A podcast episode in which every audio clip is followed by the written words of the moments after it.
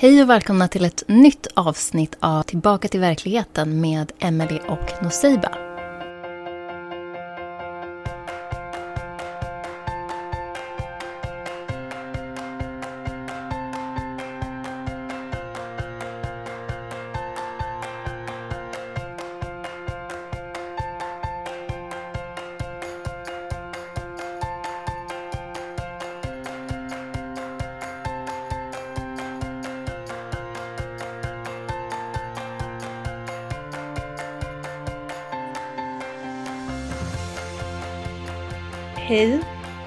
Välkommen tillbaka till verkligheten med Emelie och Seiba. Innan vi pratar om fördelarna med att vara ett offer, vilket får en att kanske så här klia sig lite i huvudet, så tänkte jag säga hej Noseiba, what's up? Hur mår du? Vad har hänt sen sist? Eller vad? What's going on? För mig har det varit en väldigt eh, känslomässigt omtumlande vecka, men på ett bra sätt.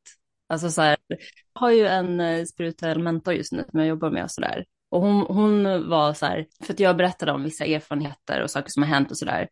Och så sa hon, men eh, du behöver jobba med att släppa lös lite känslor. Och jag var så här, oh, here we go again. Jag har gjort det här 150 biljarder gånger ungefär. Men hon eh, föreslog då att liksom, inkorporera kroppen i det. Så att så här, slå i saker och liksom, sparka om det behövs och sådana saker. Och det, så det har varit jättebefriande. Det har varit, varit väldigt skönt. Det låter väl bra. Alltså jag hade en period, kommer jag ihåg, när jag eh, lärde mig en del liksom, så här, kampsport. Och jag kände också, och det, det, var, det var liksom gick hand i hand med en period när vi så skulle släppa lös lite ilska då och frustration och sådär. Och jag var så här, ja det är toppen. Eller det är väl det som är så, eller det var så här uppenbart att så här, det är en av de stora fördelarna med typ kampsport. Liksom. Eh, så du, aha, går du runt och slår i kuddar då eller? Alltså jag har ju varit i skogen och skrikit väldigt mycket. Och det har varit så här ilska, inte som jag har känt för något som har hänt, liksom, utan det har legat långt, långt där inne. Och det var det hennes poäng var, liksom att så här, du har gjort jättemycket jobb mentalt, liksom, men hur mycket har kroppen verkligen fått släppa lös de där känslorna? Och då, ah. mm, så det var väldigt så här, uppenbart att så här, det var en pusselbit som inte hängt med riktigt. Men det är ju den ja, att eh, även om vi intellektuellt och mentalt typ förstår oss på någonting och bara I got this, så är det ändå så här residue typ i men, i kroppen eller känslokroppen och så här, ah, värsta, ah, värsta grejen. Ibland så känner jag ju bara så här, men gud jag, alltså jag är så ointresserad nu. Typ. Alltså jag orkar inte hålla på längre med någon typ av personlig utveckling och liksom läkande eller bara processande. Allt, vet. Jag bara, men gud, alltså jag... Oh. Ja, nej, men eh, jag förstår precis. Det var därför när hon sa det. Så jag bara, men tar det här aldrig slut? Typ lite den attityden liksom. Men ja, vi skulle ju som sagt kunna ha ett avsnitt på det också, för hon gav väldigt mycket bra tips på hur man kan släppa lös saker för att liksom hela systemet ska vara i harmoni, inte bara en aspekt. Vad händer på din hörna, eller i din hörna? Ah, alltså, inte så mycket. Inte så mycket. Jag går och väntar, jag går typ och väntar på att Ehm, så både Saturnus och Pluto, de ska liksom byta tecken nu inom nästa månad. Så här, om fyra veckor då har de båda bytt tecken, typ. jag kommer inte ihåg exakt datum där på Pluto, men då ska de här planeterna liksom byta tecken. Vilket gör att det, du vet, gissningsvis då, borde bli lite ny stämning. Alltså lite annan flavor, lite annan ja, men att liksom livet borde upplevas lite annorlunda. Du vet, vissa kanske utmaningar eller processer och så här kan vi lämna lite bakom oss.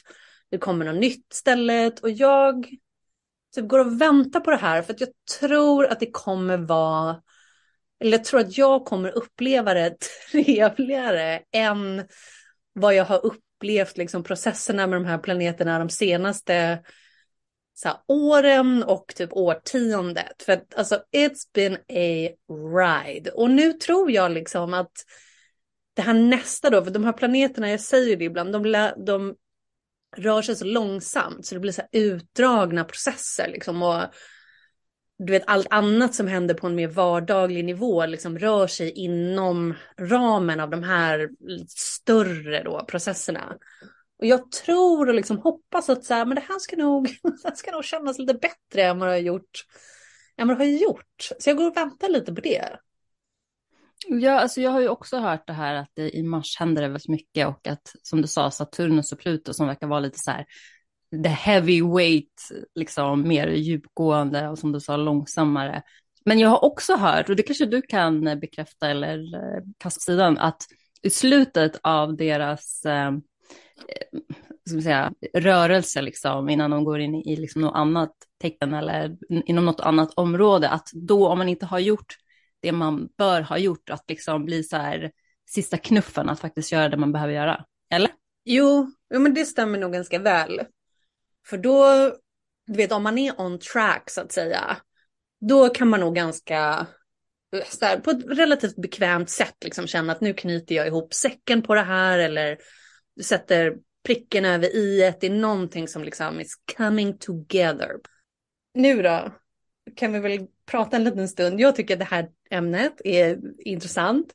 Så jag säger bara, kan inte du förklara för mig varför det blir så enkelt eller varför vi ofta då på undermedvetna nivåer så här vill vara ett offer eller varför det är så många som har på sig offerkoftan och inte riktigt vill ta av sig den eller vi blir inte, vi är inte kapabla till att ta av oss den. Alltså vad handlar det där om? Ja, offer eller fördelar med att vara ett offer. Och eh, jag tycker också att det är ett jättespännande ämne just för att det är någonting som till ytan ser ju väldigt negativt ut och det finns nog antaganden om att det är klart att man inte vill vara ett offer. Så det blir extra juicy och spännande att titta på någonting som ser liksom mörkt ut. Men man, något, alltså, man använder det ändå för något positivt. Så att jag tänkte gå in lite på det och jag vill bara poängtera att liksom de punkterna som jag kommer upp eller liksom det jag har reflekterat över, det är inte någonting som jag har här, tagit från en bok eller någon föreläsning eller något sånt här. Det här är liksom rent intuitivt vad jag kom fram till och även baserat på vissa så här, observationer av andra, men ganska mycket mig själv. Jag är mitt egna guinea pig. Men så först så försökte jag tänka lite så här, men vad, vad är liksom ett offer ens överhuvudtaget? Och eh, det handlar ju ofta om att man är i en situation där man är missnöjd och man kan inte göra något åt saken, man känner att man har inte någon kontroll eller som att det yttre eller det externa har övertaget på något sätt och att det då leder till följder eller andra konsekvenser som man inte känner sig riktigt nöjd med. Och samtidigt så då, eller samtidigt så kan ju olika typer av känslor som att man, så här, man känner sig ledsen eller blir arg eller besviken och så vidare och så vidare. Men oftast i botten av de här känslorna, för det, de känslorna är lite så här på ytan egentligen, om man liksom skulle gräva lite, lite djupare så ska man, ska man se att det är en känsla av maktlöshet, att man känner en maktlöshet inför sitt eget liv, som att man inte har något att se till om. Och att vara offer, jag tycker också det är viktigt att nämna, eller att gå igenom en så här offerprocess, eller vad man ska säga, det är liksom fullt naturligt och vi går alla igenom det. Det är oftast bara en del av en ännu större process. Så att, att vara där tillfälligt, eller vad man ska säga.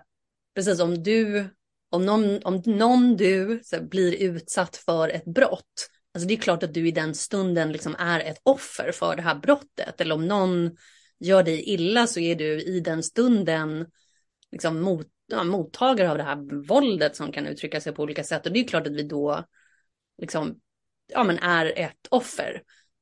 Det vi kommer in på eller det vi vill prata om, det handlar mer om att ja, men ha fastnat i rollen som offer och att det liksom är, blir en stor del av våran identitet, eller hur?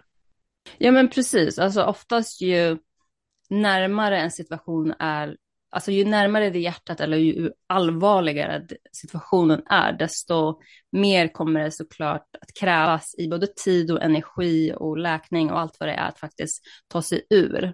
Det är ju oftast målet om man har varit, men det är jätte, alltså om man har varit ett offer, men det är ju jätteviktigt att vara i den processen. Det är ju inte som att om jag är utsatt för ett brott att jag ska bara slänga av mig offerkoftan och allt är fine, utan så här, det är det jag menar med att så här, det har sin process och det är fullt naturligt och det får ta den plats det behöver göra. Och jag kommer gå in lite närmare på just det här du menar med att eh, när offerrollen på något sätt börjar ta över istället. Mm. För att det är en jätteviktig eh, distinktion. För det jag tänkte komma till är ju att om man är ett offer och att om, om man skulle anse att det är en tillfällig, tillfälligt tillstånd är oftast för att det känns inte bra och det drar jättemycket energi. Så oftast, eller den hälsosamma approachen är ju oftast efter en viss tid i alla fall, att man ett accepterar situationen, alltså att man emotionellt sett släpper taget om det, för att man kan ändå inte göra något åt situationen eller det som har hänt.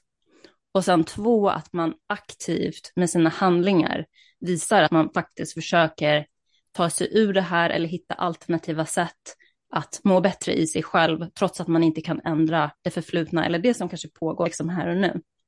Var offertillfället helt okej, okay, att problemen uppstår när det blir ett långvarigt eller vad jag har döpt till kroniskt tillstånd. Att I och med att vara ett offer drar mycket energi och inte känns bra. Så om en person är ett kroniskt offer, nu gör jag jättemycket citattecken, så innebär det ju att man på någon nivå tjäna på det. Alltså det finns någon fördel med att man investerar sin energi i det här. Och då kan det vara liksom inom ett och samma område, att man är konstant ett offer, vi säger inom eh, vänskap. Så här, jag hittar aldrig bra kompisar, jag hittar aldrig bra kompisar. Och det är liksom det som uppreps och det är det narrativet är hos den här individen. Men det kan också förflytta sig. Så att det går igenom liksom massa olika områden. Så det kan vara att Först är det inom en vänskap. Sen kanske jag, jag får kompisar. Men då, alltså jobbet, det, det är jättetufft på jobbet. Och sen kanske man får ett nytt jobb eller man får en promotion. Men då är det kärlekslivet. Så att offerrollen blir liksom som en röd tråd genom, genom sitt liv helt enkelt. Men det de här har gemensamt är ju att det har blivit ett stopp eller någon form av stillastående inom något område. Alltså man har inte släppt taget om det som händer, eller man har inte släppt taget gällande en viss erfarenhet. Nu ska vi börja med att gå in på de här olika fördelarna med att vara ett kroniskt offer då, eller ett långvarigt offer eftersom det är där det kan bli lite tufft eller lite jobbigt. Och att det här, jag, jag tror att du sa innan, det här sker oftast på en omedveten nivå. Det är inte som att någon aktivt går och tänker att man ska vara offer, fast det, det existerar. Jag har faktiskt mött eh, eh sådana klienter i det förflutna som är fullt medvetna om vad de faktiskt gör. Ja, jo, men det tror jag också att den, det skulle säkert komma med någon typ av så personlighetsstörning eller sådär. och kanske då, för jag satt också och lyssnade ganska nyligen på någon som var expert på psykopater. Och de är väldigt bra, för det vi pratar om också, det är att det blir, det är att vi det blir någon typ av manipulation liksom. Eh, vilket, och det, alltså, att det blir manipulation det kommer nog tydligare när vi går in på det som är fördelarna. Eh, men eh, just precis det, att det finns en del människor som ändå är fullt medvetna om att om jag gör så eller säger si så kommer jag få det här tillbaka av omvärlden och det vill jag ha och därför så gör jag det. Medan för andra så är det bara helt du vet, vi är inte medvetna om att det är det här vi håller på med. Det är bara ett beteende som bara har blivit och vi tänker inte ens på det liksom. Nej, men exakt. Mm, alltså apropå det med manipulation, för att du nämnde liksom psykopater så här, för jag, jag skulle nog säga att det är nog absolut sant. Men jag har också sett det hos individer som har ganska rejäl självinsikt och som är medvetna om att att ta på sig offerrollen eller ha på sig offerkoftan är ett sätt att manipulera fram saker, att få vissa behov till exempel tillfredsställda. Så jag kan börja liksom med den som är ganska, ganska vanlig skulle jag säga. Och speciellt bland människor som är, som, eller som anses vara liksom starka och de har så här sitt shit together och det är de man ringer för råd och sådär. De kan oftast sätta på sig offerkoftan för att det är liksom enda eller ett av få sätt att faktiskt få omsorg, att bli hörd, att bli sedd, att inte ses som någon typ av superhjälte som inte behöver någon. Utan då kan man sätta på sig den här och det blir som en genväg för att få det här behovet av att, ja men som jag sa, att någon bryr sig, att man får lite sympati. Man kanske är så, har så fullt upp med att ge det till allt och alla att ens egna inte riktigt, ens en, e-, egna glas liksom, är inte fullt. Så då, ja, men då sätter jag på mig den här koftan och sen så, så kan folk tycka lite synd om mig och lyssna på mig. För att jag kanske inte upplever att om jag bara skulle gå och vara helt ärlig med att jag behöver det här.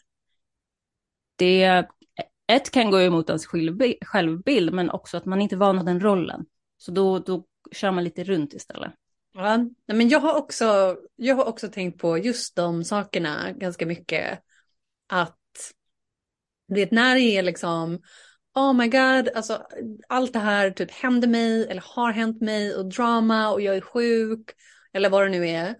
Alltså då får du ju mycket uppmärksamhet gissningsvis av din omvärld. Så du kommer få uppmärksamhet, folk frågar hur du mår, hur det går med saker, de ringer, de hör av sig, alltså de lyssnar på dig, dina stories, liksom om känner sig man får känna, känna sig sedd och hörd. Ja, alltså jag tänker ju spontant att så här, det är klart att man ska få uppmärksamhet och bli hörd och sådär eh, när man går igenom någonting eller eh, har gått igenom någonting och så vidare. Problemet med offerkoftan är ju att, eh, för, för det är det jag försökte poängtera lite, att liksom när det blir ett stillastående eller kroniskt, alltså när man upprepar samma story eller samma sak om och om igen, oftast för omgivningen, i början är ju folk generellt sett, om man inte är liksom sociopat eller sådär, väldigt generösa med empati och sympati och kärlek och allt för någon som har gått igenom något. Men om man skulle investera den eh, mängden energi varje dag i år eller i månader, man kommer bli dränerad. Men för det, jag lägger till, jag lägger till bara då på den att du blir, alltså vi blir ju också så här relevanta på något vis. När det är så här, oj oj oj, den här grejen hände mig, eller det här har precis hänt mig, eller så här, det här är så jobbigt. Då blir, då blir det ju liksom relevant. För, och det finns någon sån drama på gång i ditt liv, så att det är alltid någonting som, men det är någonting som händer liksom. Och annars om du bara då, du bara tuffar på, ja men det går bra, tack, bilen går bra, eller du vet, det är så här, nothing special going on. Alltså då, men du är kanske inte lika spännande då liksom? Nej, alltså jag tänker ju på barn till exempel som inte har fått mycket uppmärksamhet av sina föräldrar. Och det kan ju vara ett inlärt beteende att så här, jag får bara uppmärksamhet och omsorg av mamma när jag ramlar och har gjort illa mig, till, till exempel. Och sen så på något sätt så är den där programmeringen igång. Jaha, om jag har ont, då får jag kärlek och då får jag tid och energi. Och det kan ju Just vara en förälder som är hur bra och duktig som helst. Det behöver inte ens vara värsta abuse som händer. Men det, det kan sätta verkligen sina spår, för det är ju så, det, ja men det blir ju en ren programmering. Mm. Ja men visst, alltså jag tror att jag hade den lite grann när jag var yngre tonåring och sådär, att jag, jag hittade på lite historier ibland om att det var, men det var synd om mig liksom, för att jag, ja, men, Å ena sidan visste jag nog inte riktigt hur jag skulle liksom förklara, sätta ord på negativa känslor. Så jag visste inte hur jag, liksom, jag visste inte hur jag skulle få hjälp med det där typ och så. Eh, men också då för att jag, ja, men jag kände mig nog lite så ensam eller inte sedd och sådär och behövde just den här grejen att jag behövde liksom uppmärksamhet. Men jag visste inte hur jag skulle få den. Och eh, men då hittade jag nog på lite historier ett par gånger. Eh, det höll, det höll jag, kunde, jag var inte så bra på att ljuga, du vet. Eller jag tyckte inte om att ljuga. Det blir så knas i en system när man ljuger. Liksom, så att mina historier höll ju inte så länge och sanningen kom fram ganska fort. Så här. Men jag gjorde det ju liksom för att, ja, för att, för att bli sedd helt enkelt. Ja, det, alltså för barn är det ju helt naturligt. Alltså det barn kräver typ mer än mat och vatten är ju connection eller uppkoppling till sina föräldrar, eller, eller inte ens sina föräldrar, men de, vad heter det, de som tar hand om barnet. Liksom. Så att eh, det är ju inte konstigt att det är ett liksom, djupt behov som barn har och känner man då inte riktigt att, att man har fått det till den nivån som man behöver, då tar man ju till alla knep man kan. Det är ju en överlevnadsinstinkt. Yes. Vad finns det mer för fördelar då? En annan fördel, för som jag nämnde, liksom, det, i botten av offer, offertillståndet så är det ju maktlöshet. Så att det kan, fördelen då med att vara ett offer kan vara helt enkelt att man inte vill ta tillbaka sin makt. Ja, just det. Det vill säga att man har liksom, alltså om man på någon nivå har tappat sin självtillit så vill man inte ha makt över sitt liv. Man vill inte ta tillbaka den. Det blir på något sätt att det känns tryggare än att ta en risk, använda sin handlingskraft för att eh, potentiellt ta sig ur situationen. Och eh, det kan också vara ett uttryck för, för att om man inte tar tillbaka sin makt, då behöver man inte heller ta ansvar. Just det, det var den jag tänkte säga. Att det är i förlängning, eller hur? Det, det betyder ju att du behöver inte ta ansvar för någonting. Mm. Nej, och då bara, nej men, visst att du behöver, inte ta, du behöver inte ta ansvar för någonting i ditt liv. Det är liksom inte upp till dig. Det är inte upp till dig. Exakt. Och som du säger, det går hand i hand med så här, sin självkänsla och sin, min, min uppfattade, eller liksom det jag uppfattar som min förmåga att klara av saker och ting. Att liksom kunna, kunna fixa, kunna göra whatever.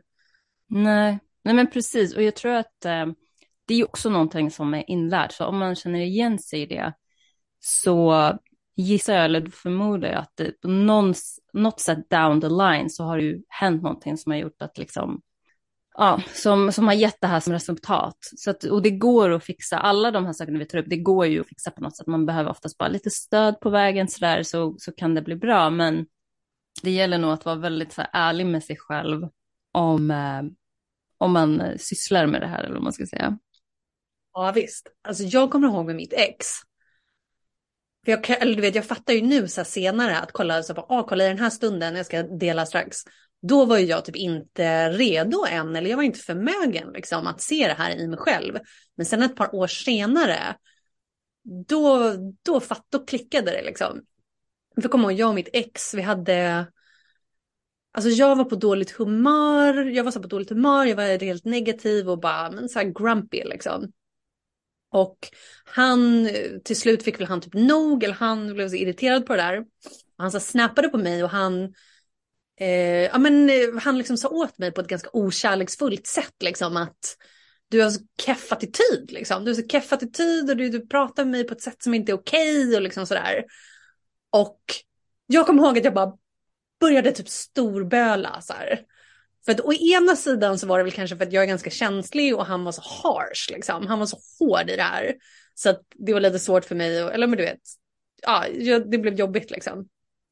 Men sen så höll jag nog kvar vid det här ganska länge att han, eller du vet jag vände det lite emot honom att så här, hur kan, kan du vara så himla harsh och hård mot mig typ, eller du tar i så här för mycket typ och gud förlåt så himla mycket då typ eller så här. Du vet jag bara blev, jag tog på mig den här offerkoftan liksom och helt plötsligt så var det så himla typ synd om mig liksom att jag hade gjort lite fel av mig kanske men han var ju så himla taskigt tillbaka typ och oj oj oj och nu leder det här till jättestora problem för oss och ska vi göra slut typ eller ra ra ra så här. Och han var tvungen att bara nej, nej men det är okej, typ förlåt, nej så här. Allt för att typ lugna ner mig då eller så här, behöver inte tänka något mer på det här eller ra ra. Och när jag tittar tillbaka så fattar jag ju att jag var jag var liksom helt oförmögen att typ ta ansvar och vara så här okej, okay, ja, jag kan faktiskt inte jag kan inte prata med folk med den här tonen liksom och speciellt inte då med killen som jag är tillsammans med. Alltså det är inte, det är liksom inte, det hör till typ person, till hyfs liksom eller så här. Mm. Man kan, jag kan inte bete mig så här. Nej visst, istället så gjorde jag det till att så här, det är så himla synd om mig för att gud hur kan du skrika på mig så här typ eller la la la och han fick liksom backa typ och han blev the bad guy istället. Och sen så ett par några år senare då hade jag och han vi hade gjort slut. Och så ett par år senare så hade jag väl någon romans då med någon kille. Och så hamnade vi i något tjafs och det var också så här, det här kommer typ inte funka liksom, du och jag, det kommer inte funka. Och så var det så här, vi började typ argumentera. Och då hamnade jag också i den här så här, men typ som att så här, jag är på väg att börja gråta, liksom, jag tycker det här är så jobbigt. Och han verkligen så här, slängde det in my face, att så här, men du gör bara så här för att så här, bli något offer typ. Att det ska så här, eller du bara gör så här för att det inte blir som du vill. Och i den stunden så du vet, allting bara klickade och jag var så här, oh my god, alltså han har helt rätt. Jag försöker så manipulera honom till att liksom, nu ska vi inte bråka något mer och så ska vi lägga det här åt sidan och så ska vi vara tillsammans igen eller bla bla bla bla bla. När, och jag var bara så här, oh my god, alltså jag kan inte hålla på så här. Och gärna så här, inte exklusivt för kvinnor, men det är lite så här, kvinnor kan nog göra så här ganska ofta. Och jag bara wow, det här måste få ett slut. jag kan inte vara så här längre. Det här kan, jag kan inte vara så här. Ja, men alltså jag tänker att bara att du var med, för först tänkte jag så här, wow, det där är på gränsen till en så här narcissistisk bait switch, du vet. Det är ju så narcissister jobbar, men de är ju inte medvetna om det. Du kunde ju i alla fall så här, då är det ju mer någon så här programmering som har skett liksom på en nivå där du ändå kunde catch it och, och ändra det liksom. Ja men visst, eller så här, det är det jag menar jag att så här, det, har, det hade legat omedvetet ganska länge men var ändå så här, en del av mitt beteende eller min så här, konflikthantering mm. typ. Mm. Mm. Tills, jag, ja, men tills jag hade blivit lite vuxen eller whatever. Jag var liksom redo att ta på mig det här ansvaret typ eller utvecklas i mig själv, så här, kalla det. Sen den dagen, alltså jag har, jag har aldrig, alltså jag har aldrig gjort det där igen. Det, är liksom, det bara försvann ur mig typ. Jag har inte varit så här. Ja, alltså apropå det, jag vill bara säga en sak. Oftast när man har en väldigt så här djup eh, insikt om sig själv. Jag tror att många tror att det är så här början av en process. Jag skulle säga att det är slutet på processen. Alltså när någonting har kommit upp till ytan, då är det oftast klart. Och är det inte det, då måste man gå ännu djupare. Ja, Nej, men visst, jag tror också det, det är väl det här som kallas för en epiphany liksom. Och när du väl har haft den, alltså då är det typ klart. Ja, men precis. Ja, visst. Men apropå det, eller lite inne på samma spår, så här, ett annat sätt som man eh, gynnas av offerrollen, det är ju att det blir en jättebra ursäkt eller anledning att eh, inte gå emot något som man säger sig vilja ha. Alltså om, om jag säger så här, mitt mål är att bli skådis, men jag är ju sjuk. Så här. Och det kanske är en legit liksom, anledning, men oftast om man verkligen vill något, då kommer man göra någonting, någonting som, med sina handlingar som visar att jag vill det här. Men om jag stoppar mig själv och har en anledning på något som gör mig till ett offer, då, ja, men då har jag ju en ursäkt. För det kanske är någonstans att man kanske inte riktigt vågar, eller typ så här, kanske inte tycker att man förtjänar det eller man kanske tycker att det verkar, jag vill inte bli sedd eller jag vill inte vara sårbar till exempel. Och det här kan appliceras till egentligen vad som helst. Det, jag menar det är ju en klassisk grej typ med kärleksrelationer till exempel. Nej men jag vill det. Men sen så gör man ingenting åt saken egentligen. Nej men visst. Visst, och det igen då, då är vi väl tillbaka i det som att så grundproblemet då gissningsvis är väl som alltid nästan typ någon sån här negativ känsla som ligger, som har fastnat liksom, som vi behöver eh, se och känna och göra oss av med. Så här. Men också alltså det som är självkänsla och tro på sig själv. Mm. Ja, men som eh, vi började lite med, att så här, det kan verkligen se jag, jag tycker bara värt, värt att liksom understryka att vara ett offer kan verkligen det är så här, ingen på papper som vill vara det. Men man måste verkligen när man, eh, när man märker att nu faller jag in i den gropen, att titta på, när det är kroniskt, alltså när det är långvarigt, att man märker att det här har varit ett tema som har varit väldigt dominant i mitt liv, att verkligen våga titta på vad är fördelen, att man frågar sig själv, vad är fördelen med att jag är ett offer just nu? För att jag tror att hittar man, hittar man svaren på det, så kan det verkligen så här, accelerera en själv, tror jag, ganska rejält. Så att jag vet inte, jag bara fick sån känsla att så här, är det något man ska investera i, då är det verkligen att titta på så här, vad, vad är fördelarna, om man känner igen sig i det här. Ja, ja men definitivt. Och jag tror också en grej som jag identifierade, för att jag själv behövde väl jobba med det, det var att alltså när jag var yngre och fortfarande alltså så lite, lite grann kanske fortfarande, men inte så, inte så mycket egentligen. Så eh, jag var nog väldigt så här nervös för att bli kritiserad. Eller jag typ fick väl ta emot kritik någon gång eller sådär då som jag inte alls visste hur jag skulle hantera eller jag kanske tyckte att den var alltså fel. Eller liksom o, vad säger man, o, eh, det fanns ingen grund för den eller sådär kanske. Och då har jag också insett att så här, när, om, vi har, om vi är offret och det är så himla synd om mig, alltså det är inte så många som kommer och kritiserar dig då. Mm. Ja men det är en jättebra punkt. Det är faktiskt väldigt sant och det är väldigt vanligt också.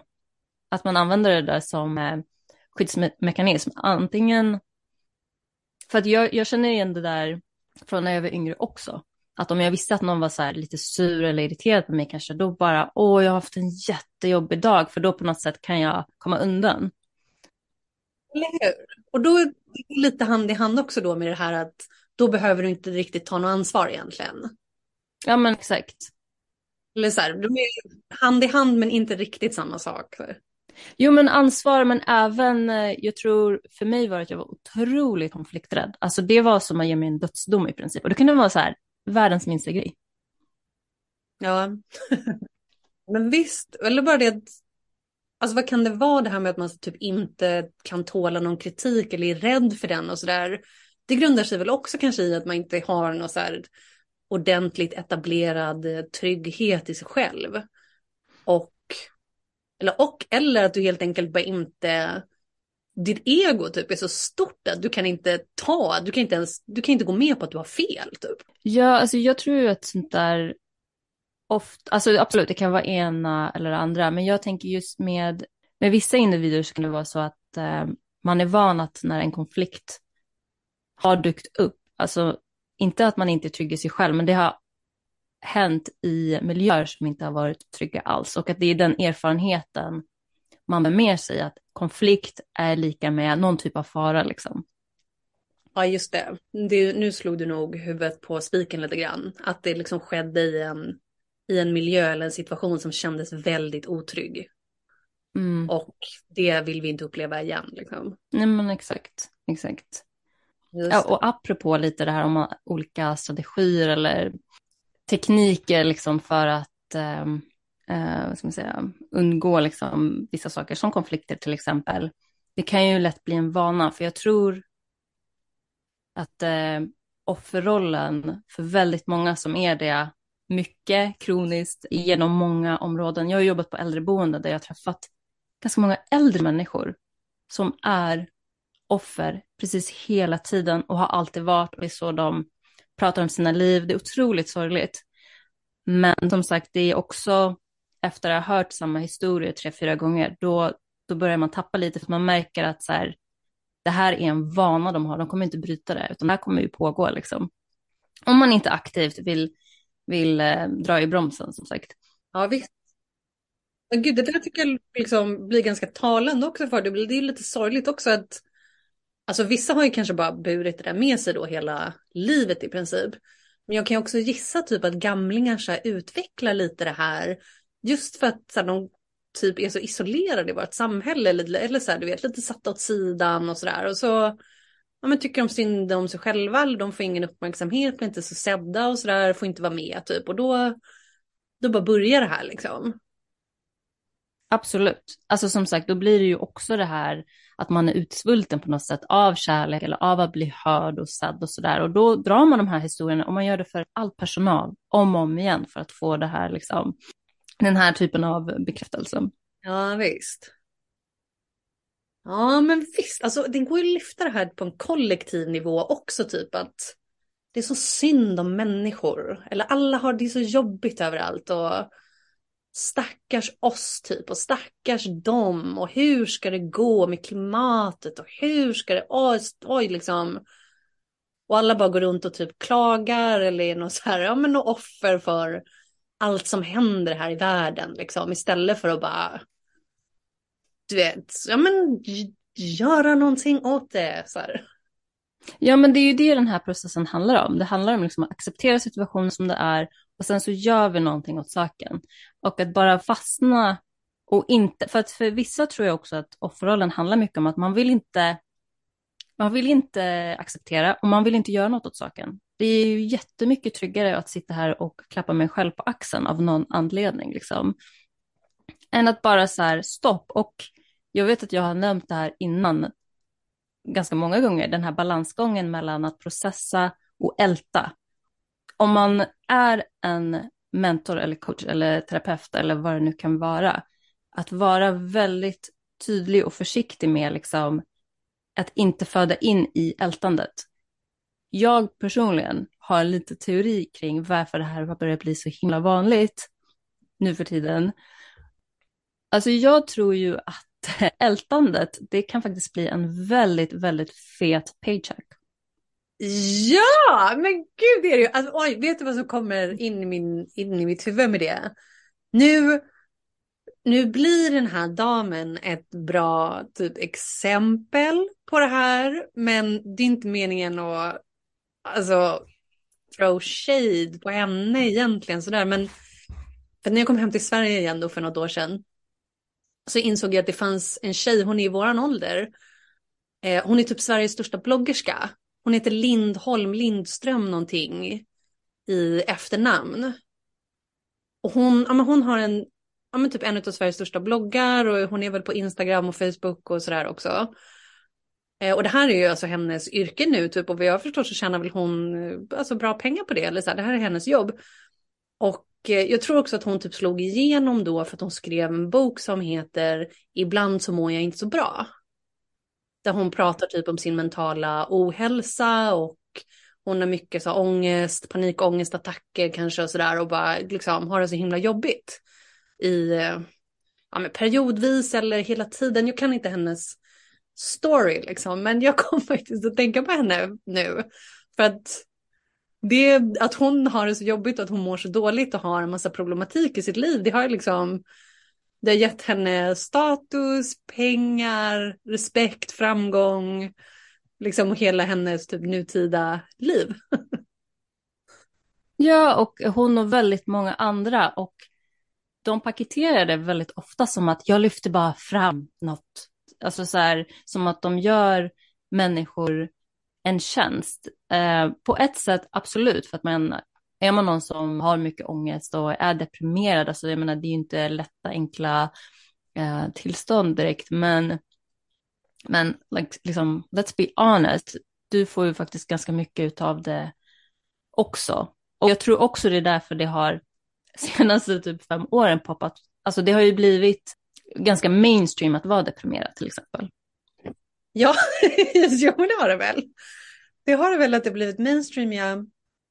Det, här, det är väl en annan grej också då, här i Sverige. Vi, vi gillar ju typ vår regering eller staten på ett vis och tycker att det är bra att de är där och de gör mycket bra saker och sådär. Men samtidigt så älskar vi ju typ att klaga på dem och känna oss liksom så förnedrade av Försäkringskassan eller felbehandlade och, och sådär. Alltså jag tänker så här, om man mår väldigt dåligt och man märker att många andra mår väldigt dåligt och så mår vi alla dåligt tillsammans och så är det det normala. Det är liksom normen att må halvt kast. Det behöver inte vara att man är i en djup depression, men, men lite så här halvt dåligt säger vi. Jag skulle dra det som ett medel på samhället just nu. ja. Om det är normen för en själv och det man ser i samhället. Alltså vi är verkligen van, vanovarelser. Alltså så här, vi anpassar oss väldigt, väldigt snabbt och vill helst inte ta oss ur en comfort zone om vi inte möter döden i princip. Nej, just det. Så att fastnar man där och är man i ältandet och har man det som standard att men alla mår ju dåligt, det ser ju på sociala medier hela tiden och det är det enda som pratas om på nyheterna. Det enda man föder är det här ältanden. Det kan vara läkande en stund, en viss period, men sen är det dags att acceptera att jag känner det jag känner. Det betyder inte nödvändigtvis att det dåliga kommer försvinna, men det innebär att jag accepterar att nu är det så här och vad kan jag göra härnäst? Och sen gå vidare med livet. Ja, ja men visst. Alltså, jag håller helt med. Och de här liksom upplevda fördelarna då, eller att vi liksom får våra behov mötta på något sätt genom att vi är offer, att det är synd om oss. Även om vi liksom stundvis då, eller under en längre period, får den här uppmärksamheten där vi blir sedda och det är sympati och vi behöver inte ta emot någon kritik eller ansvaret, alla de här grejerna. Så är det ju som sagt liksom en, ett manipulerat sätt att få våra behov mötta och alltså inte äkta. Så här, det, är inte, det är inte äkta och det är därför vi typ också fortfarande mår dåligt hela tiden.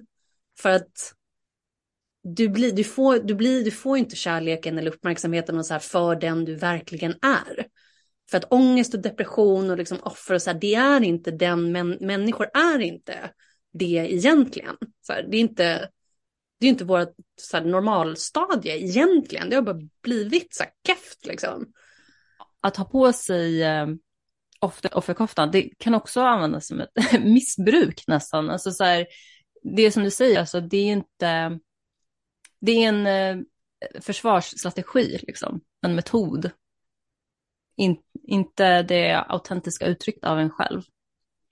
Ja men visst, och då blir det så här, så att även om vi då får vissa fördelar liksom och att vi på en viss nivå eller för en viss stund kan känna att liksom saker och ting är okej typ eller att ja, ja det här känns bra liksom. Så är det egentligen så här mot, motsatsen till alla de här sakerna eller motsatsen till att vara offer då, att ta tillbaka sin makt och så vidare. Det är det som ändå leder oss till någon så här äkta känsla av tillfredsställelse, alltså framgång vad gäller karriär, pengar, relationer, familj, alla de här grejerna. Och alltså, jag tror ändå att den absoluta majoriteten av människor de vill ha de sakerna. Alltså de vill vara framgångsrika, de vill vara snälla, omtänksamma, de vill ha bra relationer. Så att nu då som vi säger så här, för det här blir ju på en kollektiv nivå. Och nu har vi typ en hel generation av unga människor som så får lära sig att det är bra om du är ett offer. Så här, för du får status, pengar, uppmärksamhet, alla de här sakerna om du är ett offer. Alltså, man bara vart? Då är vi inne på det här, så här man bara samhällsutvecklingen y'all. Hörni, alltså vad, vad ska vi göra av det här liksom? Vi, vad ska vi göra av det här? Ja, alltså apropå det, du påminner mig, alltså idag så lär man ju sig också vilka som är offer eller inte. Till exempel, jag är en svart kvinna, automatiskt är jag ett offer i mångas ögon liksom. Just det. Vilket är helt eh, sinnessjukt egentligen. Och det har gått så långt att jag, jag, det, det hörs inte, men jag sitter och skakar på huvudet. Alltså det, jag, tycker bara, jag tycker bara det är så sjukt, för att jag har märkt med vissa yngre människor att de tar på sig den rollen. Och att man börjar tolka världen ut, alltså med utgångspunkten att man är ett offer. Jag tycker bara det är så himla sorgligt. Ja.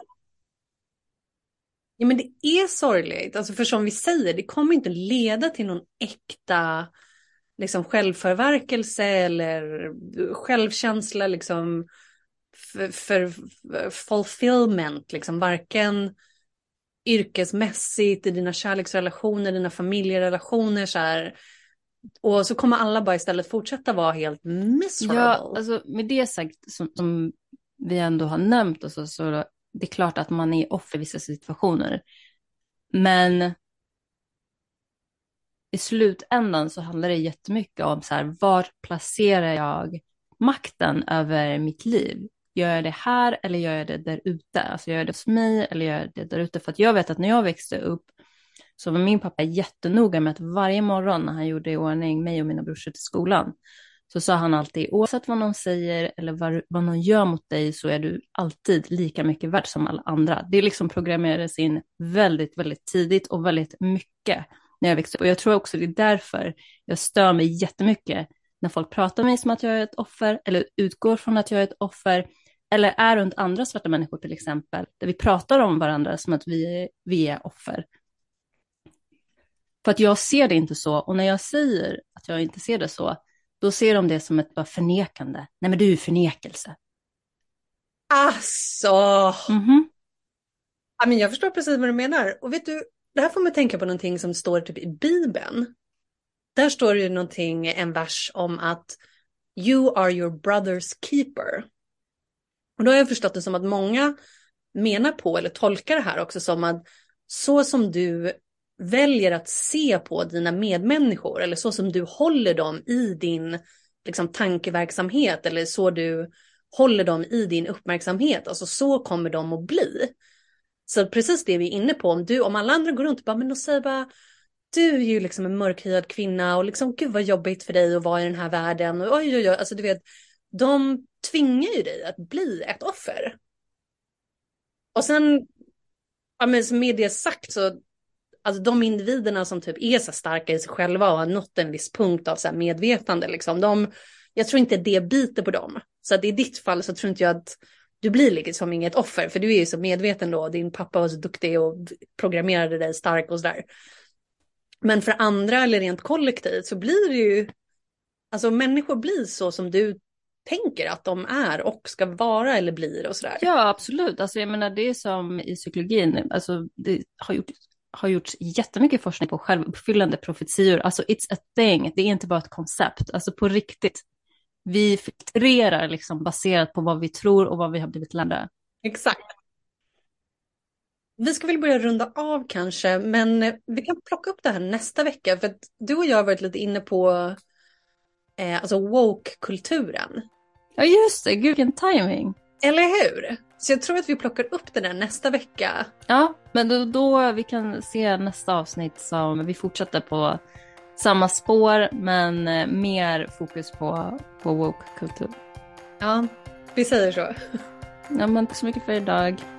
Tack så mycket för idag. Um, vi hörs.